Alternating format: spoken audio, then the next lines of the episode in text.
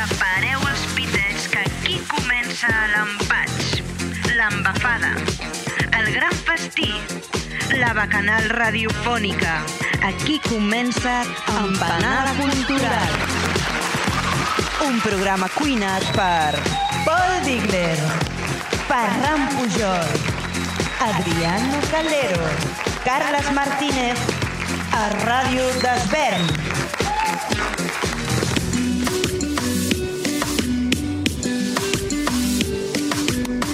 Em sembla bastant curiós i, i bastant irònic que la música més masclista per excel·lència, de com cortejar una dama per portar-la al llit, aquest reggaeton que escoltem de fons, sigui, paradoxalment, la que més parla de pares i mares, o en la seva declinació llatina, papacito i mamacita. Però és que el tema d'avui que ens ocupa, empanada, maternitat i paternitat, també està ple de contradiccions. Com aquesta necessitat de protegir les futures generacions que vindran i mentir sobre el seu passat, com passa en el videojoc What Remains of Edith Finch, que ens porta avui al Ferran. O com aquest sentiment de sobreprotecció cap a la descendència, fins, a, fins al punt de fer trontollar totalment la figura de pare o de la mare, com passa al cara a cara la sèrie que ens porta avui l'Adriano. O la frase tabú de si ets mare, deixes de ser persona. O pitjor encara, dona. Una frase que veurem al llibre que us porto avui, de Katisha Aguirre, Les madres no. I és que podríem portar mil i un exemples de pares i mares coraje a la cultura i l'art. Pares patidors o simplement malparits. Des dels dos big parents dels videojocs, no, Ferran? És a dir, el big daddy del videojoc, que ja ens vas portar, o la big mama de Metal Gear Solid.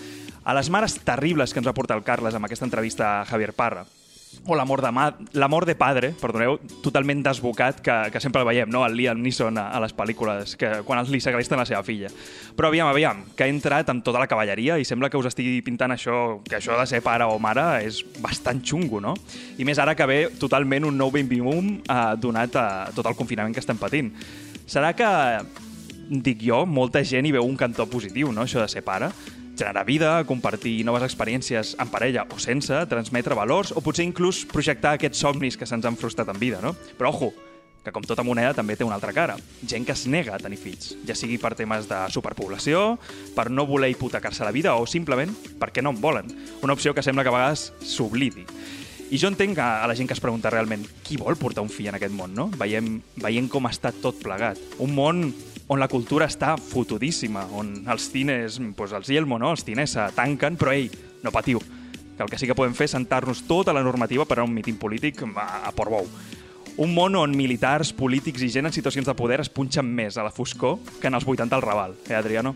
On les farmacèutiques com AstraZeneca, en resposta als països que critiquen ei, que no ens estan arribant suficients vacunes que ja havien pactat, els diuen pues mala suerte, com qui diu, pues haver estudiat un món on Disney censura pel·lis com Dumbo, Peter Pan o Los Aristogatos per racisme, però que deixa intactes les que són masclistes a més no poder, és a dir, la majoria. I tot això que us dic només és un resum dels últims dies en aquest meravellós planeta. Però no us vull desanimar, eh? Tingueu fills i tant, només faltaria. Perquè qui sóc jo? Qui sóc jo per donar consells, no? Aquesta sí que és la gran ironia i contradicció d'avui. No hauria estar fent aquesta editorial l'Adriano, el papi d'empanada cultural, i no jo, el jovenet despreocupat que, que posa per davant aquest adonisme a la creació de la vida humana? Doncs la meva resposta recau justament amb la música. I és que mentre el reggaeton diu papacito i mamacita, el seu pare bastard, musicalment parlant, un pare jamaicà que renega del seu fill pel que s'ha acabat convertint, diu... Don't call me daddy. Don't call me daddy. How La deixaria sonar, però copyright un altre cop. Don't call me daddy, no. Call me daddy a partir de ahora. Eh, Es- tío, es me verdad, has, quina- me has lanzado muchos pases de gol, tío, en, esta, Eh, en esta i- editorial. I si eh. us heu Necesito- fixat, m'he patat l'agenda, ai, l'agenda, la- el No, menú no, del dia. Pero, día. pero lo haremos, pero lo haremos igual porque este es un hombre de estructuras, Sí, aquí exacte. Ferran, y no, no lo vamos a Jo, jo vull fer traicionar una en directo. pregunta que no sé si me la contestaràs, Pol, perquè jo sé la resposta, òbviament. Ens, està clar que el- l'Adriano és pare. Sí, sí. Qui no ho sàpiga, qui arribi, qui Ah, sigui sí? no. Qui Joder, sigui hostia, no, me cago en la puta.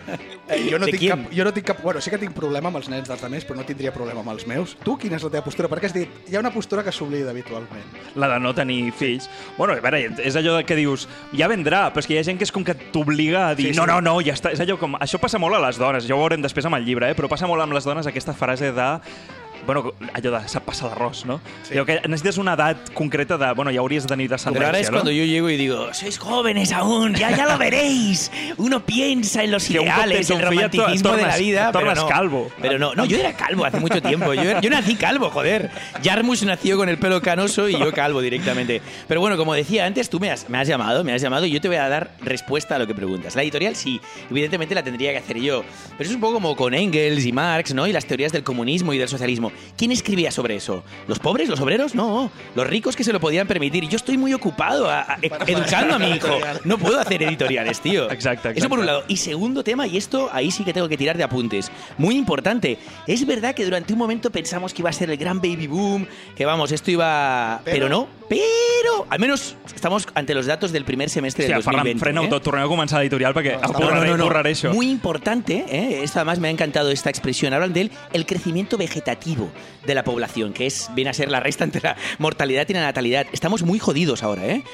Imaginad que el primer medio año, saldo negativo de 95.000 personas durante la primera mitad y no, no muchos, Ah, no tenés muchos 95.000 hijos, ¿eh? No muchos hijos. Hemos hablado de que el número de matrimonios además disminuyó un 60%. Ya, pero, Estamos jodidos. Adri, que no estamos en O la Edad que Media. està, Puedes estàs una crida Hay que volver a llamar a los... a tingueu fills, no? Sí, sí, por favor. Vale. Per favor, que nos quedamos por aquí. favor. Doncs recordem ràpid xarxes socials, ens podeu trobar a YouTube, Empanada Cultural, Facebook, Empanada Cultural, Twitter, Empanada Cultura sense L, Instagram, Empanada Cultural i els podcasts, a SoundCloud i a Anchor, que per cert, es veu que també estem a, a Google Podcast. Ah, mira, Porque que gratis Ahí. i sale ahí, així que també... És... Veo que el crecimiento vegetativo le ha hecho sacar la, la, la pizarrita a Ferran porque dice... Habéis dicho que no le ibas a sacar hoy, ¿eh? Pero te has Ja, animado. ja, no, perquè, bueno, és que el, el Pol ha fet una cosa que no fa mai, que és una editorial llarga. Sí, Clar, sí. ja anem malament I de temps, eh? però no avui... dic que no facis bones editorials, escolta, sinó que avui t'has dit llarga. Pa senyors, avui no tenim el Carles aquí. Tot pel reggaeton. Som tres veritat, només. Avui no és el Carles, que no ha pogut venir, però al, algú ens ha enviat. Algú ens ha deixat, Algú ens no? ha deixat. Algú ens ha deixat. Una cagaradeta.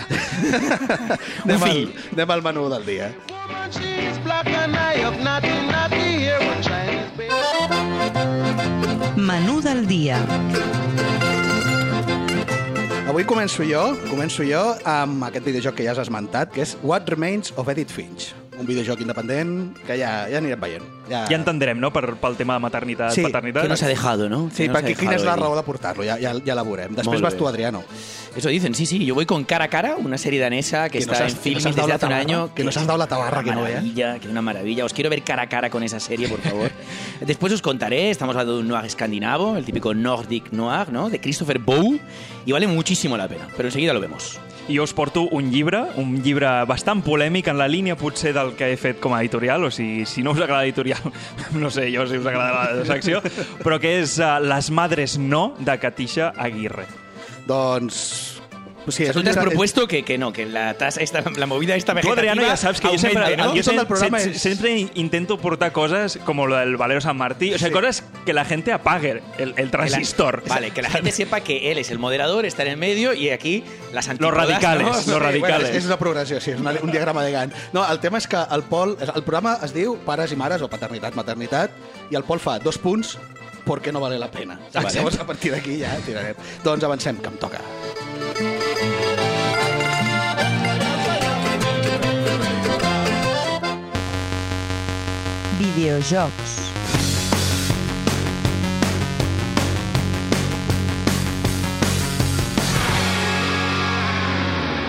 En Pol ja ha esmentat els Big Daddies del Bioshock, que són els grandes Sí, papàs, sí, sí, sí. no?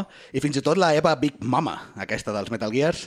Però quan vam decidir que el tema del programa seria maternitat, paternitat, els progenitors, en definitiva, li vaig estar donant bastantes voltes, no? I al cap i a la fi, ser pares vol dir crear família. I no sempre surt bé, i sovint no és com t'esperes, no, Adriano? No, no, no sempre és una sorpresa feliç, constant, jo no? I he estat pensant quin joc seria el més adequat, no? Quin, quin m'ha apropat últimament en aquest concepte. I la veritat és que ho vaig tenir bastant clar. Avui us vinc a parlar de What Remains of Edith Finch, de Giant Sparrow i Annapurna Interactive.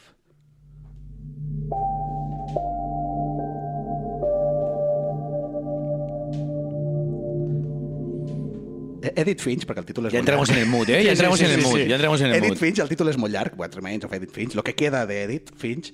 Eh, és un joc independent de 2017. Eh, es va erigir com un dels coneguts com Walk Simulators que millor utilitza les vicissituds del gènere, com l'exploració, els textos, el ritme pausat, ja que la història que pretenen explicar els seus creadors funciona a les mil meravelles en aquest format. Ajuda molt, a més, que el to narratiu també combini elements de realisme màgic, amb parts oníriques i més evocadores, i fins i tot metafòriques en certs punts, ja que aporta el simple fet de l'exploració i el caminar eh, i a, a, que defuig molt de la- de l'acusació la, que s'acostuma a fer d'aquest gènere de aquí no passa res, esto es muy aburrido, solo andas. Un género en el que solo andas y observas cosas. Però és un, té un punt de, de, de point and click, d'allò sí, una sempre mica, no? allò d'abrir Diguéssim. caja, usar llave, però molt mínim. Al final és, un, és una narració que va avança a mesura que tu avances caminant, és a dir, no, no, no hi ha acció en absolut. No, No, matas. no. No hay muertes Bueno, aquí más allá de la que te precede. Ah, va. Però vaja, entrem en matèria. Què ens explica What Remains of Edith Finch? Qui és Edith Finch, no? Doncs nosaltres al joc controlem a una noia, Edith, però no la titular, sinó la seva neta, amb qui comparteix noi, nom. La noia aquesta té 18 anys i es disposa a tornar a la casa familiar on va passar la infància, ara que és l'últim membre viu de la saga Finch. A través dels seus pensaments i, sobretot, el diari de la seva àvia, la Edith Finch del títol, que ella porta a sobre, i que més la protagonista va completant, no? va afegint notetes al costat del que l'àvia explica, es disposarà a descobrir el passat turbulent de la seva família on els membres sempre morien de formes estranyes, patètiques o emocionants, fossin gent gran o fins i tot els nens petits, però sempre envoltades d'un misteri autoimposat per la matriarca Edith Finch. Per això es diu, lo que queda d'Edith Finch. La matriarca. La mamma. Cada habitació de la casa es manté intacta i sellada després de la mort de cada un dels membres que l'ocupava, com temples, com altars amb la idea que l'àvia tenia d'aquells familiars. Resulta el resultat que queda d'aquesta casa quan la veus per, primer cop des de la llunyania és un conjunt d'estructures construïdes a mesura que la família creixia. És si naixia una persona no ocupava l'habitació d'un, sinó que es construïa pues, una habitació a sobre i llavors tu veus una mena de casa... Hostia, eso parece los pisos de la Barceloneta, ¿no? Un poco. No, no, no, pues fuera bromas. Con ¿eh? mucha muerte, també. Ja et dic, es feia per preservar aquelles habitacions que ara són obituaris sempiterns i intocables dels que, dels que ja no hi són. Edith, la jove, la que controlarem, ha heretat la casa, els terrenys i una clau que per fi li permetrà obrir totes les, les portes que se li negaven quan era una nena. I no dubtarà en endinsar-se a la realitat fins ara oculta del passat familiar, explorant l'aparent maledicció que els fills asseguren portar sobre les esquenes. Des del seu rebesavi Odin, que és el fundador de la casa, de l'enclavament, que a més, explica la llegenda que va venir amb una casa flotant al mar, perquè la casa està a un, a un, a un penya-segat al costat del mar, i de fet la suposada casa amb què ell va venir flotant està encara allà, la veus físicament des del penya-segat, veus la casa encara Però has, enfonsada. dit, Eh? has dit Odin? Odin, sí. Són, són una família noruega, de- d'ascendència noruega. Bueno, representa. collons, s'ascendència al Ah, Valhalla, ¿ves? no? Ya- ya Del estás, Valhalla. estás introduciendo la, la siguiente sección, ¿no? ¿Ah, Con sí? el Nordic Ah, sí? Noir. Ah, no nos habíamos dado ni cuenta. ¿eh? Bueno, es muy interesante esto que estás planteando sobre la idea de que el propio individuo ya navega o simplemente camina o se presenta con un hogar a sus espaldas, como una especie de caracol, Está, ¿no? est- está volviendo a un pasado que ella nunca pudo descobrir perquè se li amagaven coses. És aquesta mena... Encara no hem arribat al tema, però té aquest tema de protecció de l'infant no? i de protecció de, de la història familiar per fer-la més amable. No? Doncs com deia, des del fundador Odin o fins i tot el germà de la protagonista, que sempre estava absor absort pintant portes, no? es veu que sempre pintava portes i que de sobte va desaparèixer com si s'hagués endinsat en una d'aquestes portes sense deixar rastre, doncs la Edith descobrirà que la seva àvia, que sempre era tan misteriosa respecte al que passava realment a la família, ho va descriure tot en un diari de forma fantasiosa, com si fos un conte. I la veritat és que no us desballaré molt més, perquè és un joc molt curt, dura unes 5 horetes i tindreu... Amb 5 horetes us el tindreu passat, eh? Però la intensitat del discurs i lo emocional del tema us deixarà tocats durant setmanes, o almenys a mi m'ho va deixar, em va sorprendre. Em va esto de cinco moltíssim. horitas, ¿qué lo dice? ¿no? Porque igual no, si vas, molt, yo si y... vas molt ràpid... i doblo, eh? Si vols molt ràpid, el pots passar més ràpid. Però clar, el tema és que tu no tens per què descobrir totes les habitacions. La gràcia és que tu pots passar-te algun membre familiar, tu has de reconstruir l'arbre familiar i pots passar-te en algun, però recomano que... sigui, que entenc que vas, vas obtenint diverses històries Sí. o vas obteniendo ¿no? diversos desenlaces. Perquè vas accedint a aquestes habitacions sellades i descobrint què és el que va passar en comparació al, al que explicava l'àvia, no? Però si hem de justificar, que abans preguntàvem, per què he portat aquest joc, no? Aquest, en aquest programa d'avui de Pater i Mater, que m'ha tocat encetar, doncs és el paper dels progenitors a la Edith Finch, que té un pes ja no només incontestable, sinó acaparador i fins a l'extenuació. És a dir, el fet de lo que mentia l'àvia, però és que també mentia la teva pròpia mare. És a dir, vas descobrint coses de que, hòstia, potser no és l'àvia qui m'amagava coses, potser era ma mare. Es un poco como, ¿Sabes? como el gobierno y la política, ¿no? Es una mentira que no viene de una generación atrás. El que viene. Exacto. A mesura que avances et vas adonant com els pares de cada generació han intentat protegir els seus descendents de qualsevol mal, fins al punt de crear una justificació quasi màgica per les desgràcies que, tan ràndoms i casuals que s'acumulaven a la família. Creen aquesta idea de maledicció familiar com a cautionary tale, o cuento com moraleja, per prevenir futures desgràcies, però precisament aquest intent de voler evitar el dolor tan propi d'un pare o una mare que vol protegir de totes les coses dels seus fills acaba fent més macabre tot plegat i crea una serp que es mossega la cua, aquell aterrator que sempre Oh, estem citant, mig. no? Aquestes profecies autocomplertes i inevitabilitats que en veritat eren molt evitables. I és que ser pare és molt difícil, suposo, Adriano. Eh, Insistís mucho en eso. Va, os voy a decir que sí, eso es imposible, Vale. es un infierno, no tengáis Però saps què hijos. passa, Adriano? Que ser fill, especialment fill teu, eh, també és molt difícil. Ah, amigo mío. Almenys un progenitor tria ser-ho, en principi. A vegades hi ha accidents.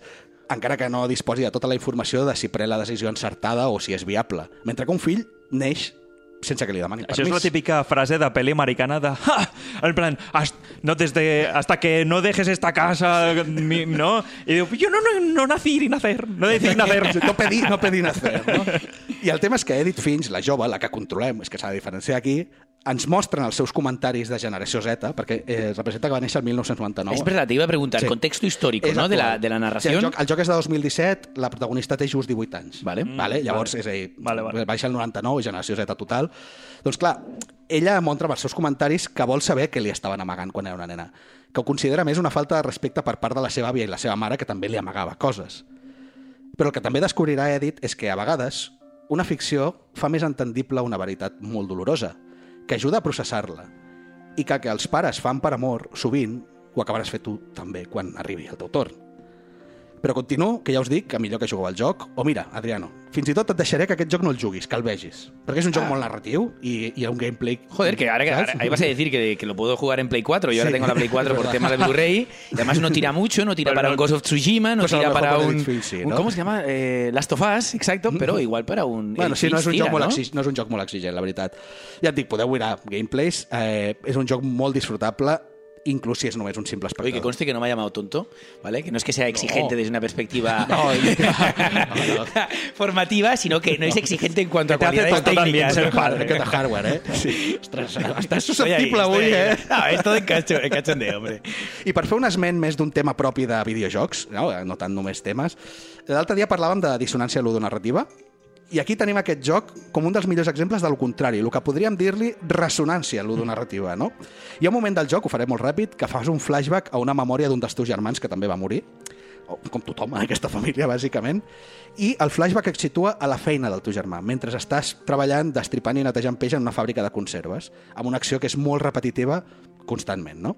Bàsicament és, agafes un peix, li talles el cap i el desescames. Agafes un peix, talles el cap i el desescames. I així, infinitat de vegades. Mentre, a poc a poc, els pensaments del personatge, d'aquest germà, comencen a emerjar-se a la pantalla. No? Apareix text del que està pensant, que no té res a veure amb el que està fent, de la mateixa que tu, manera que tu, com a jugador, en aquell moment portaves tanta estona repetint això que ja començaves a pensar, hòstia, què em faré de sopa avui? Ai, ahir vaig quedar amb no sé qui, saps? I aquest moment en què et preguntes per què estic fent una cosa tan repetitiva, què collons em reté aquí, no? És, comença a imposar-se la imaginació. Doncs aquest moment tan lúcid del joc, de deixar volar el temps, de... crec que construeix un dels moments centrals del relat d'aquest joc i a més es fa mitjançant les mecàniques del joc, és a dir, el fet de que t'obligui a repetir una acció que a priori seria un mal disseny de O videojoc. sigui que és molt autoconscient, sabent les mecàniques del videojoc clàssic, no? O sigui, Sí. està agafant-les i dir, Clar, va, sí, doncs, sí, com, que sigui com pots narratiu. demostrar avorriment per arribar a, la, a la imaginació, ho fa, ho fa perfectament. És a dir, el que dèiem, ressonància ludonarrativa. El que t'està explicant és exactament el que tu estàs fent.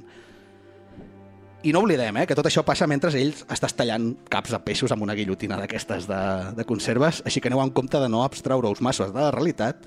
O saps què? Potser sí. No us deixeu eh, cegar gaire per la realitat, ja que, com va dir Susan, eh, Susan Aren, una periodista de Polygon, a What Remain of Edith Finch, la mort és una certesa. Però la vida és una sorpresa.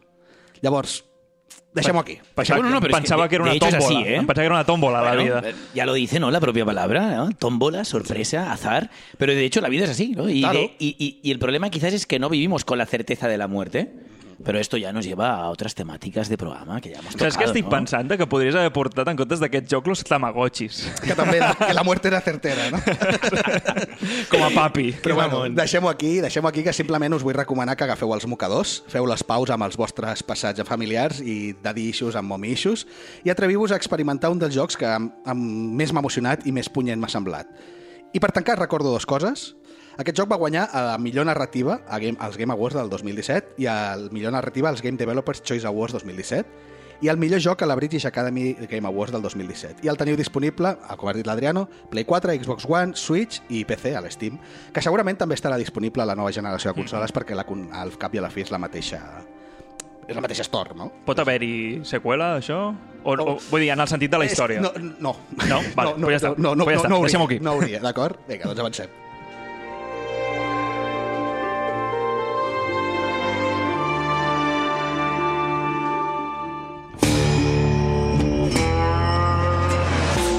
Sèries.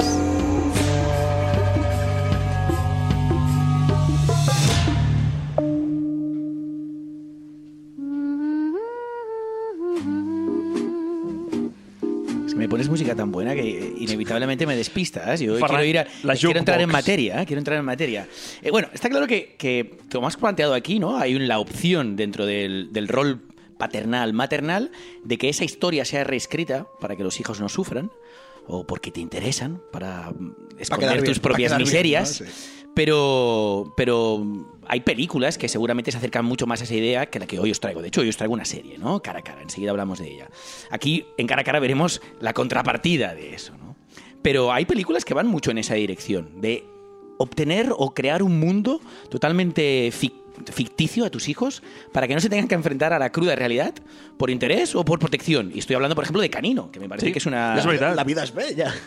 Bueno, lo que pasa es que, claro, la vida es bella. Sí, evidentemente la vida es bella. Lo Bueno, que pasa després, es que... després hi ha la inversa, no? Que és Goodbye Lenin, no? Que és el També. fill que, que, Exacto. que esta, a la mare, no? la línea más de, de- de lo que hoy voy a contar, ¿no? De cara a cara. ¿Está Canino?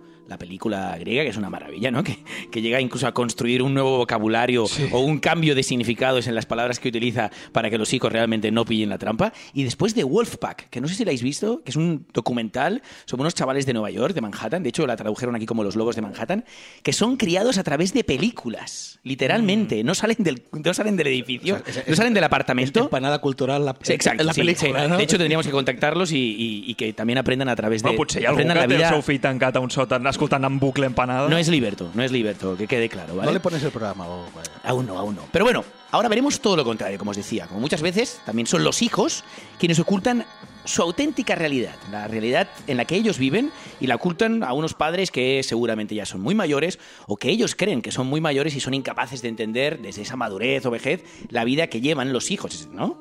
Pero lo que está claro es que sus motivos tendrán. Tal vez la falta de confianza provocada por esos años de silencio, cierto desinterés por parte de los padres, o todo lo contrario, ¿no? Una excesiva rigidez en la educación que hace que sea imposible la comunicación. Todo puede ser.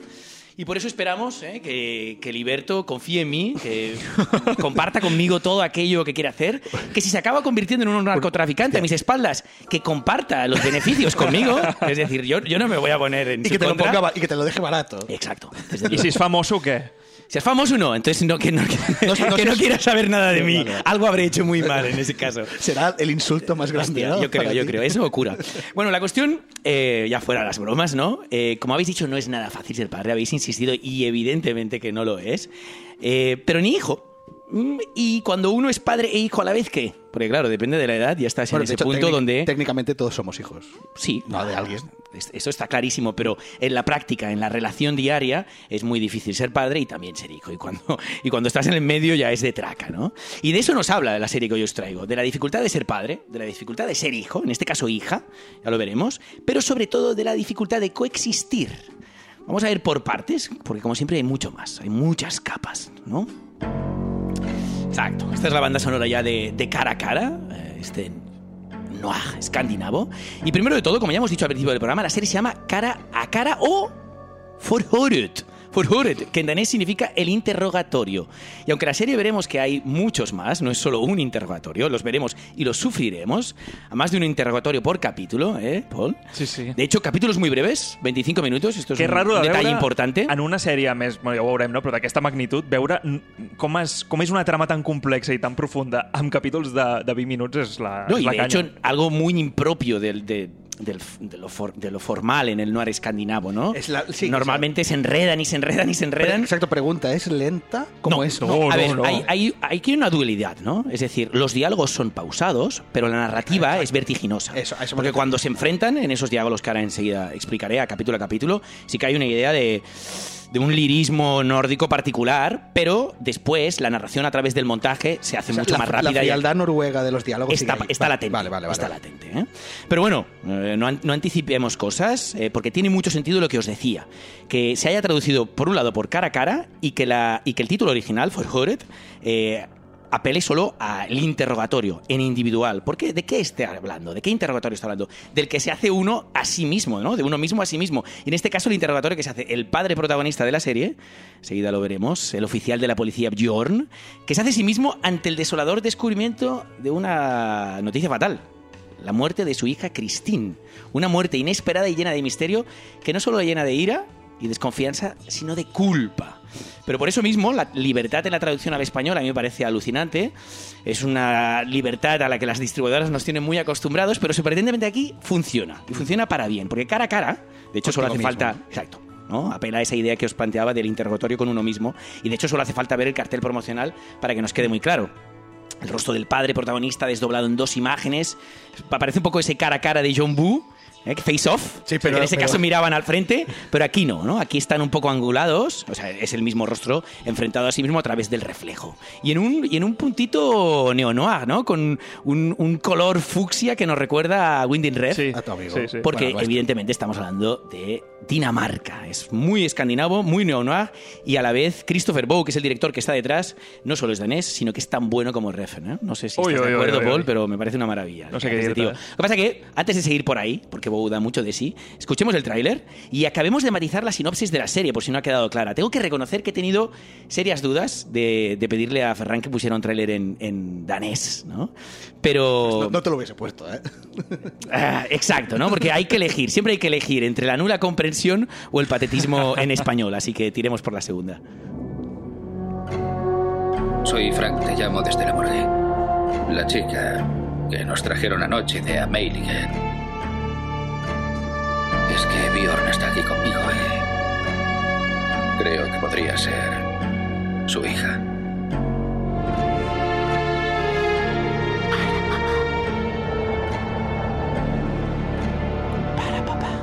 Pues ya lo oyen, una llamada desde la morgue que relaciona el cadáver de una chica con Bjorn, ¿no? este oficial del que os hablaba.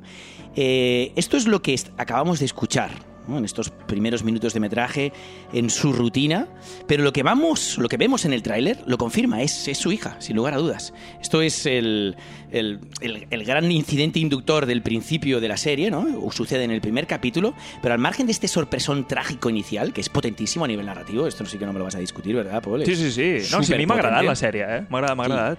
Pero es una serie muy potente en el fondo. Aquí el thriller realmente, el suspense cuando surge, cuando el forense, forense le atribuye esa muerte a un suicidio. Y el prota, Bjorn, el oficial, se niega rotundamente a aceptar que, no. su hija se haya suicidado. Y es de, es de hecho entonces cuando empiezan realmente las preguntas, ese gran suspense. Si no se ha suicidado, ¿quién ha sido? O si se ha suicidado y el padre no tiene ni puta idea. ¿Conocía realmente el prota, el padre, a su hija? Si tanto la quería, ¿por qué no se veían? ¿Por qué no compartían más? Y muchas más preguntas en una trama que, lejos de ir respondiendo, va añadiendo más cuestiones, si cabe, ¿verdad? Cada capítulo tenemos un saco más gordo de información y, y muchas capas, como, como suele haber en este programa. Además, yo no sé, yo no sé lo que te pasó a ti, Paul, ¿eh? De hecho, sí que lo sé, pero es, es la típica serie que la empiezas a ver y aunque no tienes el mismo interés que el padre en solucionar la muerte de su hija, no puedes parar. No puedes parar, ¿de qué no? Però, a veure, el meu va ser curiós. No Sí, sé si vols, que explica-lo, por llenci, favor, vols que explica-lo, por vale. És una sèrie de, de filming per variar, Ferran, perquè estem apadrinats, jo crec, per filming. Sí. Bueno, Bueno, ah, aquesta jo, amb, Bueno, últimamente, amb, últimamente. Amb tot el que va matxacar l'Adriano i que eren capítols curtets, vaig dir, hòstia, doncs me la veig així de tant en tant, no? I, i vaig posar vaig posar el play i vaig veure, hòstia, que fort, no? I, I dic, clar, veus el primer capítol, no entens massa cosa, i veus el segon i dius, vale, o sigui, el primer és, és la història, el, el presente, i després te'n vas al passat. I vaig veure tota la sèrie. I, i llavors, em- quan acabo la sèrie, em surt que em queda un capítol i dic, pues si aquest ja l'he vist. I llavors, Filmin m'havia m'havia Me l'havia liado, Filmin! Me l'havia liado i vaig començar a, a, a veure l'últim. Que quede claro Oh, que ¿en eso no- serio? Oh, sí, sí, es muy grande esto, ¿eh? Però saps què passa?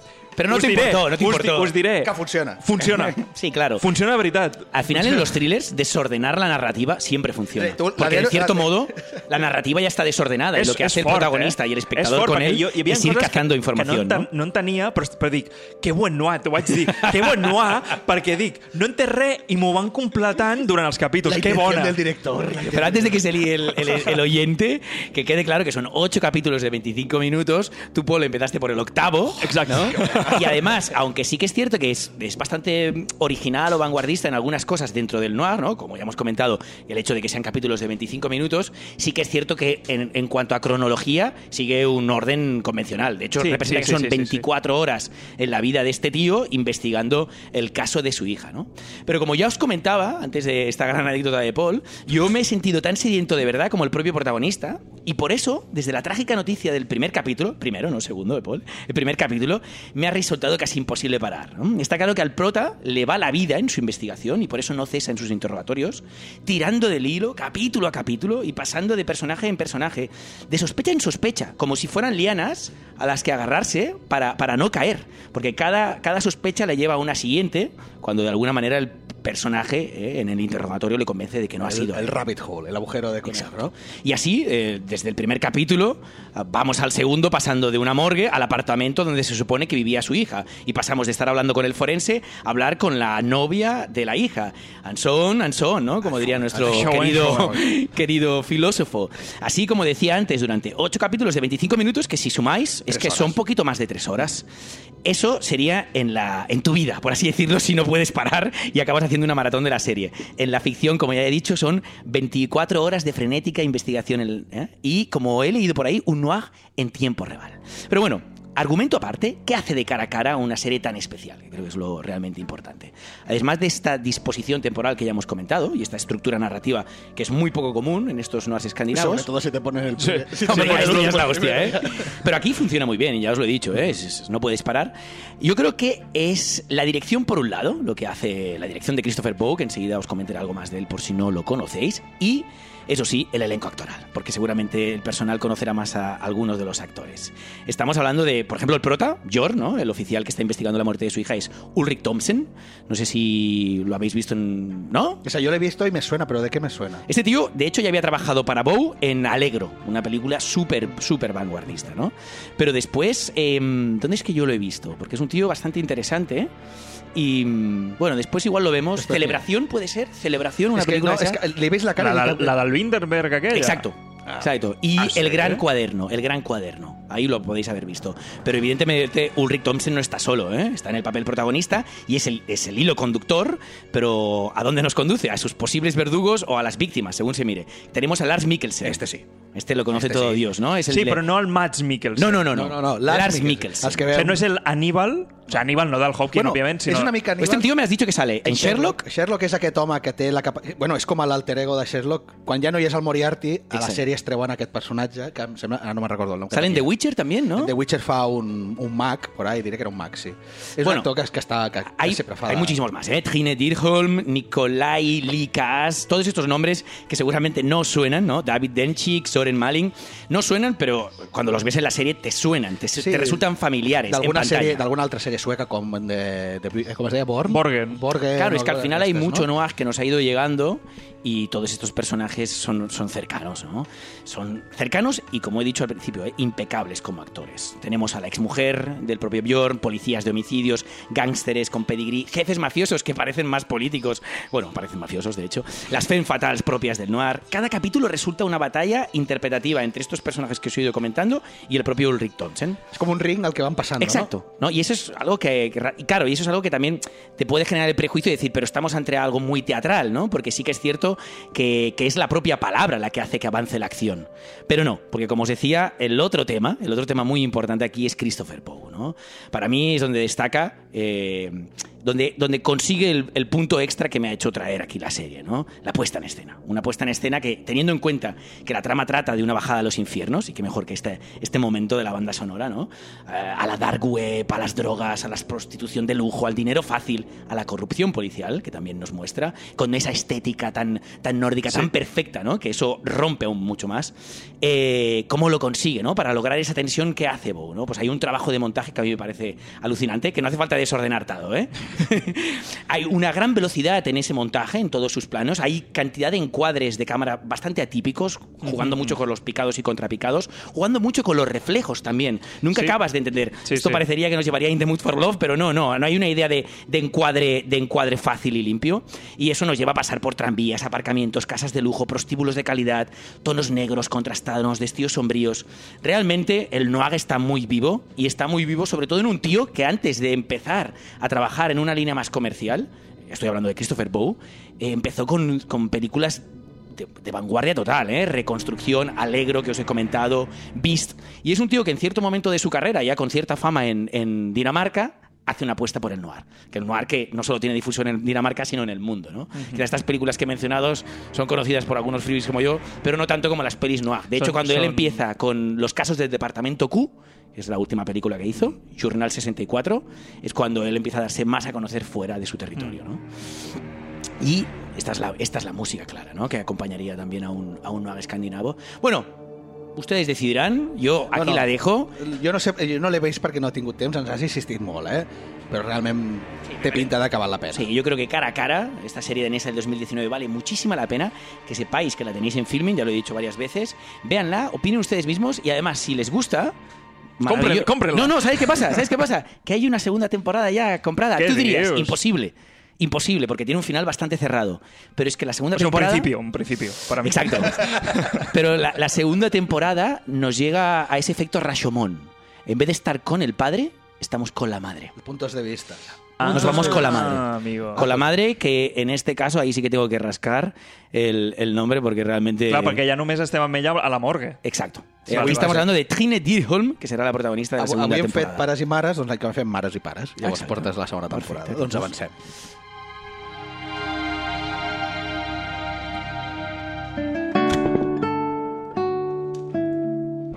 Llibres.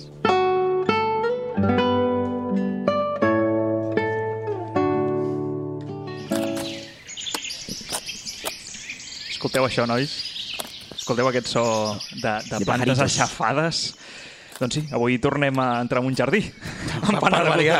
Per variar. Tornem, però avui no vinc sol, eh? No vinc sol. Avui m'acompanya l'escriptora Katisha Aguirre, ¿vale? amb un llibre que és bastant, bastant polèmic sobre maternitat, i avui, com que és el tema, doncs, per què no portar un llibre d'aquests? Un viatge per, per aquests temes més tabús sobre el ser mare, de les sensacions ocultes, el tenir una de les màximes, no? segurament, responsabilitats que, que existeix. I jo, com a home blanc, heterosexual, Um, com que em vull evitar els punyals i les cartes dels oients a, a, a roba empanada no? i tot això, uh, doncs, i de la mateixa manera que vaig fer amb el Valero Sant Martí, amb l'Edgar Moreno, que vaig dir, hòstia, si us plau, llegeixo i ves tu la presó, el llibre, doncs en aquest cas he contactat amb la gran amiga i actriu Roser Bundó, perquè narri que és uns trossets d'aquest llibre que us porto avui, i, i comencem per aquí. Amb tots vosaltres comença Les Madres No. Para mí, el embarazo era una amenaza latente, un hábil francotirador dispuesto a acabar con la vida, tal y como me gustaba. Toma ya, ¿eh? Toma, comencem forts, eh? Sí, sí, comencem sí, forts. sí, sí. Estoy viendo el, estoy viendo el, el cañón, El apuntándome. canyón. Bueno, abans de parlar de l'escriptora i del llibre en si, primer de tot us explicaré com va arribar a les meves mans o com vaig arribar a conèixer un llibre d'aquests. Um, I és que la, tot comença amb una publicació justament de la Lucía Bascaran. O sigui, El primer, aquella... el primer Hòstia, llibre que vam Bascaran. portar, el primer llibre que vam portar. Bueno, Sí, yo ¿no? decía Bascaran, tú Bascaran, Bascaran, pero me acuerdo, me acuerdo, sí. Bueno, l'escriptora de Partir, de, de Cuerpos Malditos, no? que vam portar aquí. No la vam portar ella, malauradament, però vam portar els seus llibres. Però bueno, ella va fer una publicació a Instagram i va dir, literalment, las madres no matan, no follan, lloran, sufren, se entregan, pero una madre mata a sus dos hijos y otra madre, escritora y narradora de esta historia, quiere entender por qué. Con una prosa que te lleva de la mano y te pega un par de hostias cuando menos te lo esperas. Las madres no. Plantea cuestiones que me interesan. La violencia, la maternidad y lo que se espera de quienes las ejercen. Maravilloso. Ja comencem forts, eh? O sigui, realment ja, esto ya es un aval. Jo ja Sí, me lavo es una las obra manos. recomendada por jo, una jo me lavo escritoras, manos. I segon, quan el vaig, el vaig demanar a la biblioteca de Barcelona i el vaig anar a buscar a la biblioteca de Fort Pienc. Quan vaig agafar el llibre, si no m'havia passat mai, eh? la bibliotecària em diu, prepara't. Això és Oh. veritat, eh? O sigui, I Potent, vaig dir, potent. uau! Vale, llavors el vaig agafar i literalment, com tu has dit amb cara a cara, va ser començar-lo i poa, poa, poa, no para. No poder parar. És una passada com està escrit. Ja entrarem després amb el tema formal. Però bueno, qui és aquesta escriptora, no? aquesta Katisha Aguirre? Aquí no la coneixem massa perquè és del País Basc, però sobretot ha escrit molt en, en basc, o sigui, no s'ha traduït gaire. De fet, eh, Les Madres no, i crec que un anterior que té, són els primers com editats en espanyol, no? castellà. I és, una, és, un, és mare, 39 anys, és basca, i sobretot eh, és coneguda allà, de fet, mm, tota la seva principal carrera inicial eh, és a partir de contes infantils i juvenils, és curiós, eh? Bueno, ja estava familiaritzada amb el món, al fons. Sí, El que passa que des sí, d'una sí, sí, perspectiva sí, sí. diferent. Llavors es llença a, la, a, a fer doncs, novel·la històrica també. De fet, va fer un llibre bastant també polèmic allà al País Basc sobre el conflicte d'ETA, que després ja recuperarem perquè té bastanta relació també amb Les Madres No. I després, al 2019, ja treu aquest Les Madres No. no? I, I per què he dit abans que és polèmic? Bueno, de fet, ja amb el text de la, Sí, no? la Lucía Bascaran ja, ja, ja s'ha avançat una mica, no? Doncs perquè no només ens parla dels tabús de, de, de ser mare, com ja veurem, sinó perquè la història, tota la història s'articula en un assassinat real. O sigui, que a més, de fet és proper a ella, ja, ja veurem, però és que com a escriptora que, que tinguis algú proper que estigui relacionat amb aquest assassinat que veurem, ja veureu que és el d'una mare francesa, Alice Espanet, que va ofegar els seus dos fills bessons de 10 mesos a la banyera, òbviament deliberadament. Adentrem-nos a la foscor, Pol. Exacte, exacte. De fet, el llibre va anant i tornant molt en una mena de crims, eh? O sigui, sí. uh, perquè va, passa de l'autobiografia, és a dir, ella escriu un llibre so sobre com escriure un llibre, per dir-ho així, no? és una, una, una espècie d'aquests assajos, no? Sobre com reflexionar sobre, sobre com és ser mare, no? I, però, clar, Bueno, de alguna el- manera ella está intentando entender lo sucedido y la posibilidad de la maternidad como algo horroroso a través de la propia investigación y escritura, ¿no? Exacto. Entonces, claro, es de esos, es de esos libros u obras en general, porque a veces hay películas en esa línea, que, que generan, por lo general, mucha empatía, ¿no? Sí. Que te atrapan. A més, és interessant, és interessant perquè el detonant del llibre, o sigui, clar, estem parlant d'un llibre que s'ha creat com a propi llibre, no? O sigui, Mhm. vu- vull crear una història sobre això i la, la història que vaig explicar és la meva vida, però, però que, eh, o sigui, les reflexions que jo creu són generades a partir d'un assassinat tan, tan vil i tan, tan destructiu, heavy, no? tio. Llavors, què passa? Que, que per internet he trobat una frase que, que m'agrada bastant, que és um, que, que parlant sobre el llibre, i és parla de la culpa primigènia que s'adquireix en convertir-se en mare. Había cosas de las que no podía hablar. Y precisamente por eso tenía que escribir sobre ellas, aunque no estuviera bien. Clar, és que ja d'entrada, o sigui, ja es planteja aquest punt de, de culpa, no? Coses de, que no de... pots dir perquè ets mare. Exacte. Recordeu aquell cas, de, el cas de la Samantha, us en recordeu, de, que feia les 21 dies? Aquella Sí, periodista, sí, sí. us en recordeu que va fer Samantha unes Villar. declaracions fa anys de dir, bueno, ja ha sigut mare i la gent li va saltar la jugular en plan, però com pots... Eh, No, no, no, no deia, no vull ser mare, no? Ara, ara que he parit no vull ser mare, però sí que tenia aquell punt de, bueno, però és que no tot és tan bonito, hòstia, hem de parlar d'aquestes coses, no? Llavors, repeteixo, és un llibre molt d'assaig, és un llibre que parla sobre, bueno, sobre les sensacions i això, perquè, clar, eh, no hi ha personatges aquí, o és l'escriptora o és, o és la persona, no?, l'assassina, no? I, I a més és curiós perquè ella, quan parla del part, de fet, comença molt, molt ràpid a explicar ja tot el tema del crim i del part, perquè, recordem, són històries és en paral·lel, eh, la seva història i la de la coneguda, per dir-ho així, no?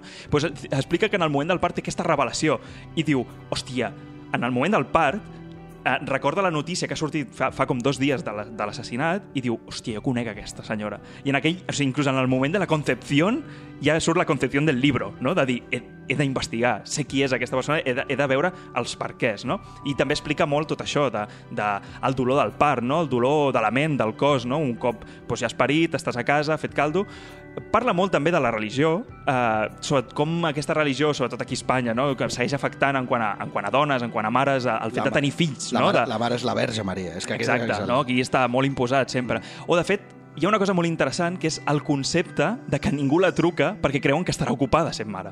Se habla mucho del cansancio que trae consigo la maternidad, de no poder dormir, de las ojeras. Sin embargo, apenas se menciona las horas de aburrimiento que llenan la vida de una madre.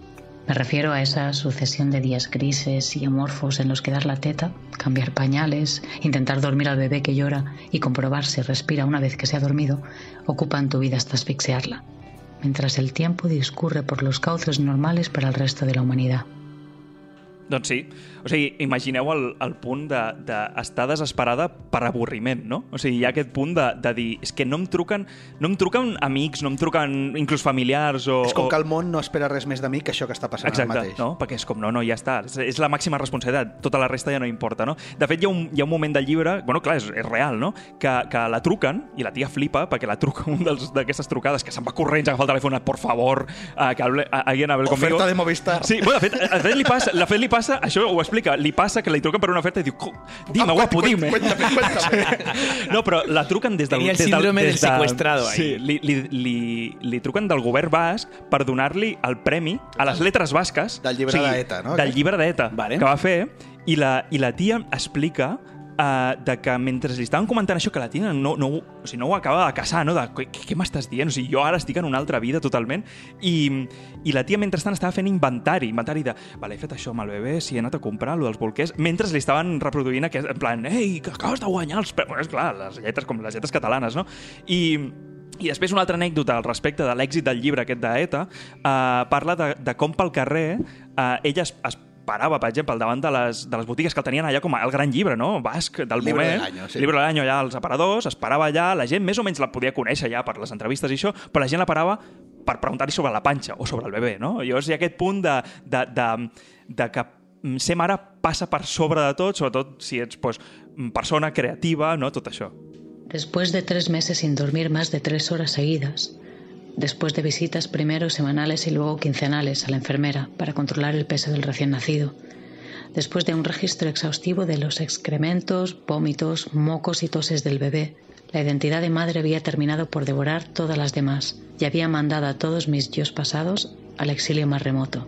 Escritora yo, trabajadora yo, esposa yo, hija yo, la que se bañó desnuda en la fuente de Trafalgar Square yo, la que durante un verano fue guía turística en el lago Ness y aprovechó para ligar con turistas americanos, yo, no era posible, no lo era. De fet, inclús explica que, que amb el premi que va guanyar monetari de, de, dels premis de, la, de les lletres eh, basques, no? Uh, va, es va agafar una excedència per escriure un nou llibre no? a partir d'aquest premi i, i a més se la va agafar l'excedència per, per escriure, no per, no per cuidar el fill, no? que, que, que òbviament acabava a París és que és just en aquest- aquell és moment. Que, eh, bueno, no sé, sonarà exagerat, però m'ha afectat la, la, la, tal com ho ha narrat la, la Roser. Ah, és Aquesta idea de ja no existeixes. Sí, sí, sí. Ja no existeixes, i és més, guanyes un premi i tothom potser espera que aquest premi... Bueno, el premi anirà molt bé pels bolquers del xaval. Sí, sí, sí, té un rotllo això, eh? I el tema és... Si, Sí, sí, si sí. fos un A home, més- potser el premi és per comprar-me un cotxe Exacte, però si a més el, el llibre que, que, que, que està preparant no és un llibre sobre maternitat, que potser és el que inclús esperarien, no? Ja, Alguna clar, gent, sí. sinó per una sobre una assassina dels seus fills. Llavors, ella juga molt amb el tema de la culpa. Bueno, recuperem abans el tema, també hem parlat de la culpa, uh, però també ho hem parlat amb Blasphemous, no? Sí, Tota aquesta idea, eh, que també és molt, molt, molt cristiana, és, és molt cristiana, no? Aquesta, la gran culpa. a Espanya. Però ojo, que aquí sembla que amb la narrativa i tot, i la música aquesta de fons, hi ha molt de sarcasme, eh? És, un, és una història que, que, que va... A les dues hòsties en Mala la cara llet, que deia la Lucía no? Bascara, Mala o sigui, llet, té mala llet i té molt de sarcasme. Parla molt, molt, molt dels mitjans de comunicació, i això em recorda el cas, el, el cas Alcácer. Um, hi havia un moment que els mitjans, clar, revuelo total amb aquesta història, li deien los hechos, no, no parlaven de l'assassinat, no, li deien los hechos, no? Eh, Com una mica per anar, per anar tapant no? aquest tabú, no? I inclús hi havia un moment que la, la premsa va acabar fent un clic, es veu, i va, va començar a canviar les versions a oh, pobra dona, a l'assassina, eh? Pobra dona, és que devia tenir això o això altre, no? Mentalment, en- encara no s'han adonat del que ha fet, no? Hi havia un punt quasi de, de, de, de, perdó, de Una, una mare no? no mata, deu estar grillada, no? Sí, sí, sí, Allò sí. de- O, o aquesta depre postpart, Bueno, vale, no? vale, Eh, pero por otro lado, quiero decir que eh, me parece muy interesante esta reflexión, de hecho tengo bastante a decir de- de- por la parte que me toca, pero francamente, es decir, no, no creo que haya en su investigación una aprobación. Es decir, se puede buscar la coherencia. exploración. Se puede buscar la coherencia y se puede buscar los motivos Es una que han exploración, llevado. supongo, pero ¿no? es que, claro, eso lo puedes hacer con cualquier tipo de asesinato Clar, clar. o de delito, ya sea dentro o fuera de la ley, me da igual. el, un delito moral. L'interessant que planteja ella mateixa és que és el detonant ha sigut un assassinat per, per ella voler extreure la seva experiència personal. Penseu que mig llibre, o sigui, literalment, eh? mig llibre és És sobre ella, no? l'Alice i mig llibre és, és ella. Sobre ella. saps? Llavors, uh, a més hi ha molt, pels qui us agradin els llibres o històries de judicis, també uf, va farcit, perquè clar, òbviament hi ha un moment que ella per, per investigar va al judici, i el judici és també de traca, eh? Allò que comentem de los de Chicago i tot això, és de traca el que passa allà també, eh? No us diré res, però és... terroristas que hemos sufrido estas semanas pasadas o qué? Bueno, lo digo por el juez, más que nada. Vale. vale, vale. Um, però ja us dic, eh? O sigui, sobretot el que és interessant és el punt de vista de com, se, com investiga a la, a, la, a la noia aquesta que coneixia, a la mare, que va assassinar, però també com va comparant amb la seva pròpia vida. Inclús hi ha aquest punt, Adriano, que també dius de no justificar l'acte, òbviament, però sí que comprem moltes coses de, de, de certs moments de dir, bueno, és que aquí hi ha gent que no parla d'aquests d'aquests dolors, d'aquest- d'aquests maldecaps o d'aquesta depressió de, o de- d'aquest ninguneo, no? perquè també entra molt en aquest tema, no? I, i, i es planteja temes com ara això del fet de decidir ser mare, no? Quan, quan és el moment? En aquest cas es extrapolava potser el pare, però, però òbviament sabem que la mare té molta més càrrega, no? Quin és el moment? Cal? O amb qui, no? Són aquestes grans preguntes, no? I, i fa poc, mira, la setmana passada a Can Basté, aquí al costat de, del cen- centre cívic, no sé si el coneixeu, el de Can Basté, van fer un, una projecció d'un documental molt interessant que, que parlava sobre les madres Nomo. No Gnomo de los pitufos, sinó Nomo de No Mother. O sigui, hi ha un moviment... És que aquest, arribem al punt de que s'ha d'etiquetar una mare que no vol tenir fills com a ma, ma, madre Nomo. Sí, com si el paper d'una dona en aquest món fos ser mare. Exacte. I llavors és, seràs mare, però mare que no. Sí, no? sí, sí. És o com- sigui, és, sí, no ha sigut mare. En comptes de ser... No, no al revés, ha sigut mare és... Hòstia, tens, tens 50 anys... Eres una no sé- madre. No, sí, no? I aquest punt, no? Que, que això totalment és etiquetes, tabús... Bueno, sempre ho portem arrossegat, això... Però, bueno, tornant al llibre, el tema ja més formal, està molt ben escrit. O sigui, inclús aquí, hem parlat de la Lucía Bascaran. Um, ella té un... Òbviament és més jove, ha fet dos llibres, té, té com més, més aquesta frescura joven, no? Uh, ella no és, no és massa més gran, tampoc. O sigui, òbviament no, no és una joveneta, la, la, la Katisha Aguirre, però, però sí que és veritat de que, de que té, un, té un estil molt cru, de bufetada, realment, de- de- de- d'acabar al gra, i, i a més té moltes referències. De fet, referències, vull dir, a la cultura, coneixem molts infanticids di- dins del que és la tradició cultural religiosa, no?, o de mites i això. De fet, comença amb, amb una frase de Medea, que és potser la gran, la gran infanticida, no?, per, per dir-ho així.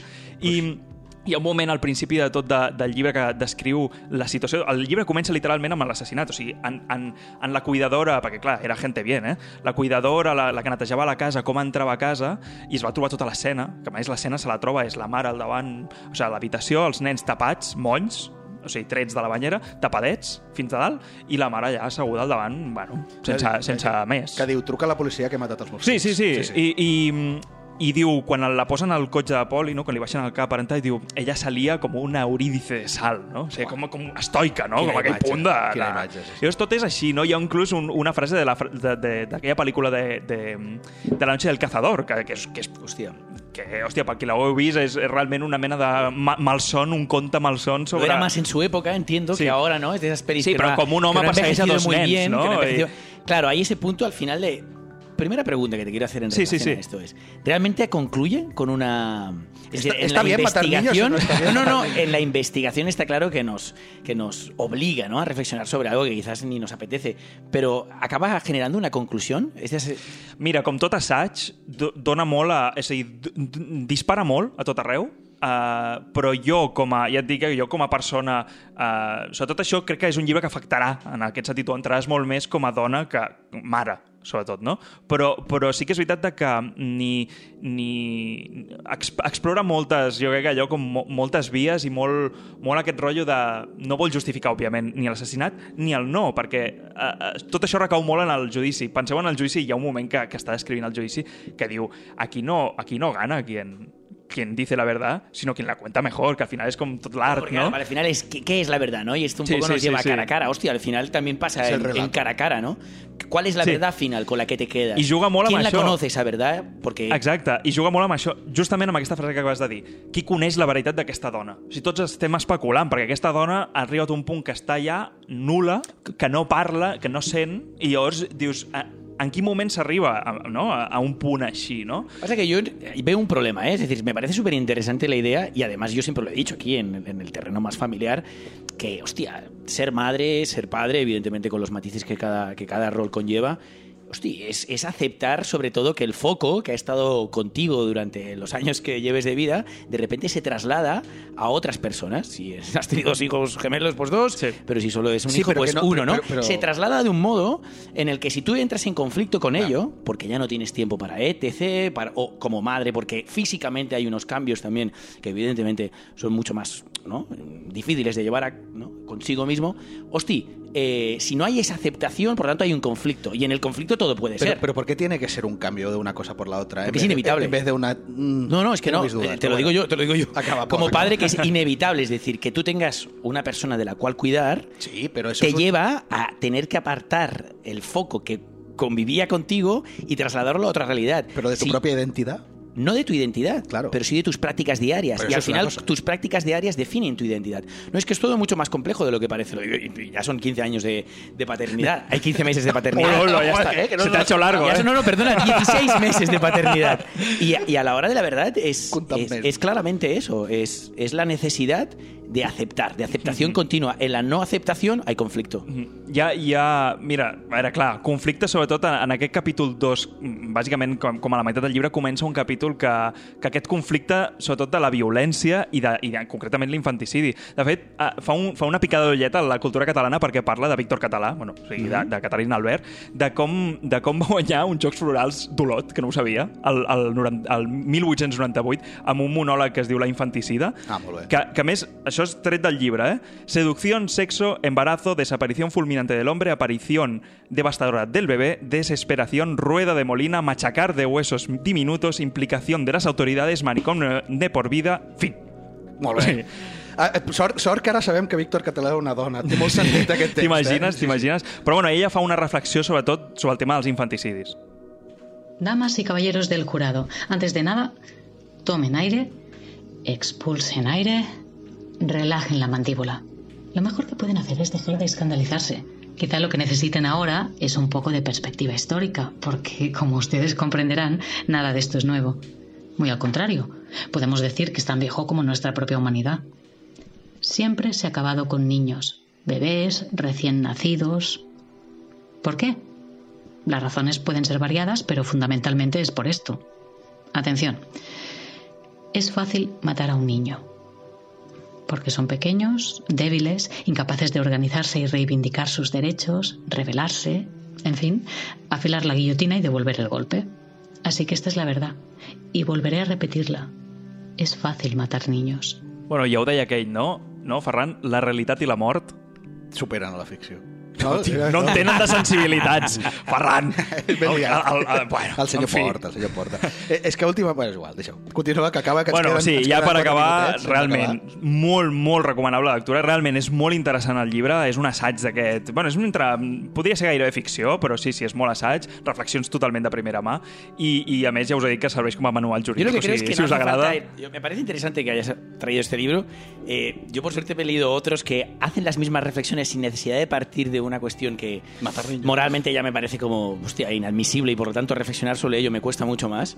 Eh, de hecho, es ¿Dónde está mi tribu? Y ¿Dónde está mi tribu? Por ejemplo, que es un gran libro de Carolina de Olmo, te plantea esa, esa, ese conflicto que no solo está ¿eh? en, en el, en el hecho de ver cómo tu identidad va mutando en tu hogar, sino como, por ejemplo, el espacio externo no colabora, ¿no? De cómo de... O sea, realmente es un libro muy potente que lo que hace es valorar si la sociedad actual permite tener niños. Es decir, puede haber todos esos prejuicios obviamente, y esa moral obviamente. que te empuja a decir, no, aquí estás para procrear y para generar descendencia, pero por otro lado, hemos construido una sociedad que nos lo permita, que nos lo haga fácil, y ya no solo a la mujer, ¿no? En a la identidad de pareja, porque claro que en la época machista eh, o heteropatriarcal donde se ponía, ¿sabes? Se- estaban claros los cimientos. si? Totalmente. Por- so- solo plantearlo desde la perspectiva de que en antaño, a partir de, de situaciones del capitalismo, el hombre se iba a trabajar y la mujer se quedaba en casa cuidando. Entonces la repartición de responsabilidades, sean buenas o malas, las puedas valorar o no, ¿eh? quiero decir, en positivo o en negativo, eso provocaba que la estructura familiar fuera mucho más fácil de mantener. Porque había dos roles muy diferenciados y cada uno se encargaba de uno. En el momento de que el heteropatriarcalismo de alguna manera se está, se está intentando ¿no? destruir y, y lo que estamos buscando es que haya una igualdad también en los roles, ¿qué acaba pasando? Que los dos, mujer y padre, son trabajadores, los dos eh, hombre y mujer, son padre y madre, y por lo tanto esos roles ya son mucho más difíciles de compartir. Y por lo tanto esas pérdidas de identidades se dan por dos, y por tanto... Eh, fem una cosa, Adriano. Trucaré a la Katisha Aguirre fem, i fem un cara a cara. Ah, me parecería genial, pero no, no tanto desde un conflicto, sino desde la idea de la reflexión. Me parece muy interesante además, pero sobre todo no dejar solo el- todo el, el centro de, de ese gran conflicto en, en la madre y en la situación o la relación de la madre en relación a los hijos, ¿no? Nois, ens estem, ¿Dónde te quedant- dejan? ens estem quedant sense temps, anem a fer l'agenda rapidíssim, perquè a més és on el Carles ens ha enviat alguna coseta, eh? Què es cou? Doncs què es cou, què es cou? Mira, tirem directament el que ens ha enviat el Carles com a proposta cinematogràfica o què, Adriano? Endavant.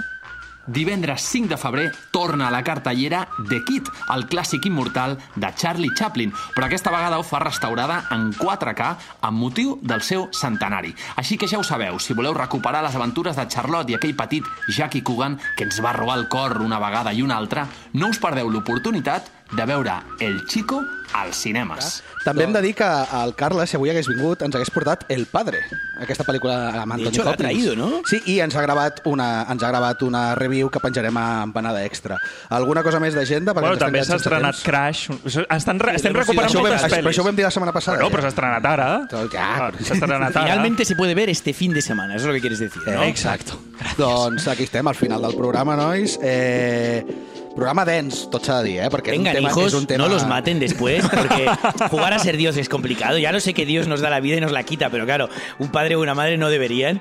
Eh, si se deciden, si se deciden, que yo creo que aquí estos dos están lo tienen muy claro. De momento, de momento. Ferran és aquí eh, potser, eh? Sí, jo sóc un ¿Eso existe? ¿Equidistancia en la Un- un- paternidad un existe? ¿Sabes en lo que se convierte esto? Adri, En que acaba teniendo Adri, hijos por culpa, no- por no culpa sé- de un amor. No sé on us dir. Han, han de marxar, ens escoltem la setmana que ve, nois. Apa, Adéu. adéu. Besitos.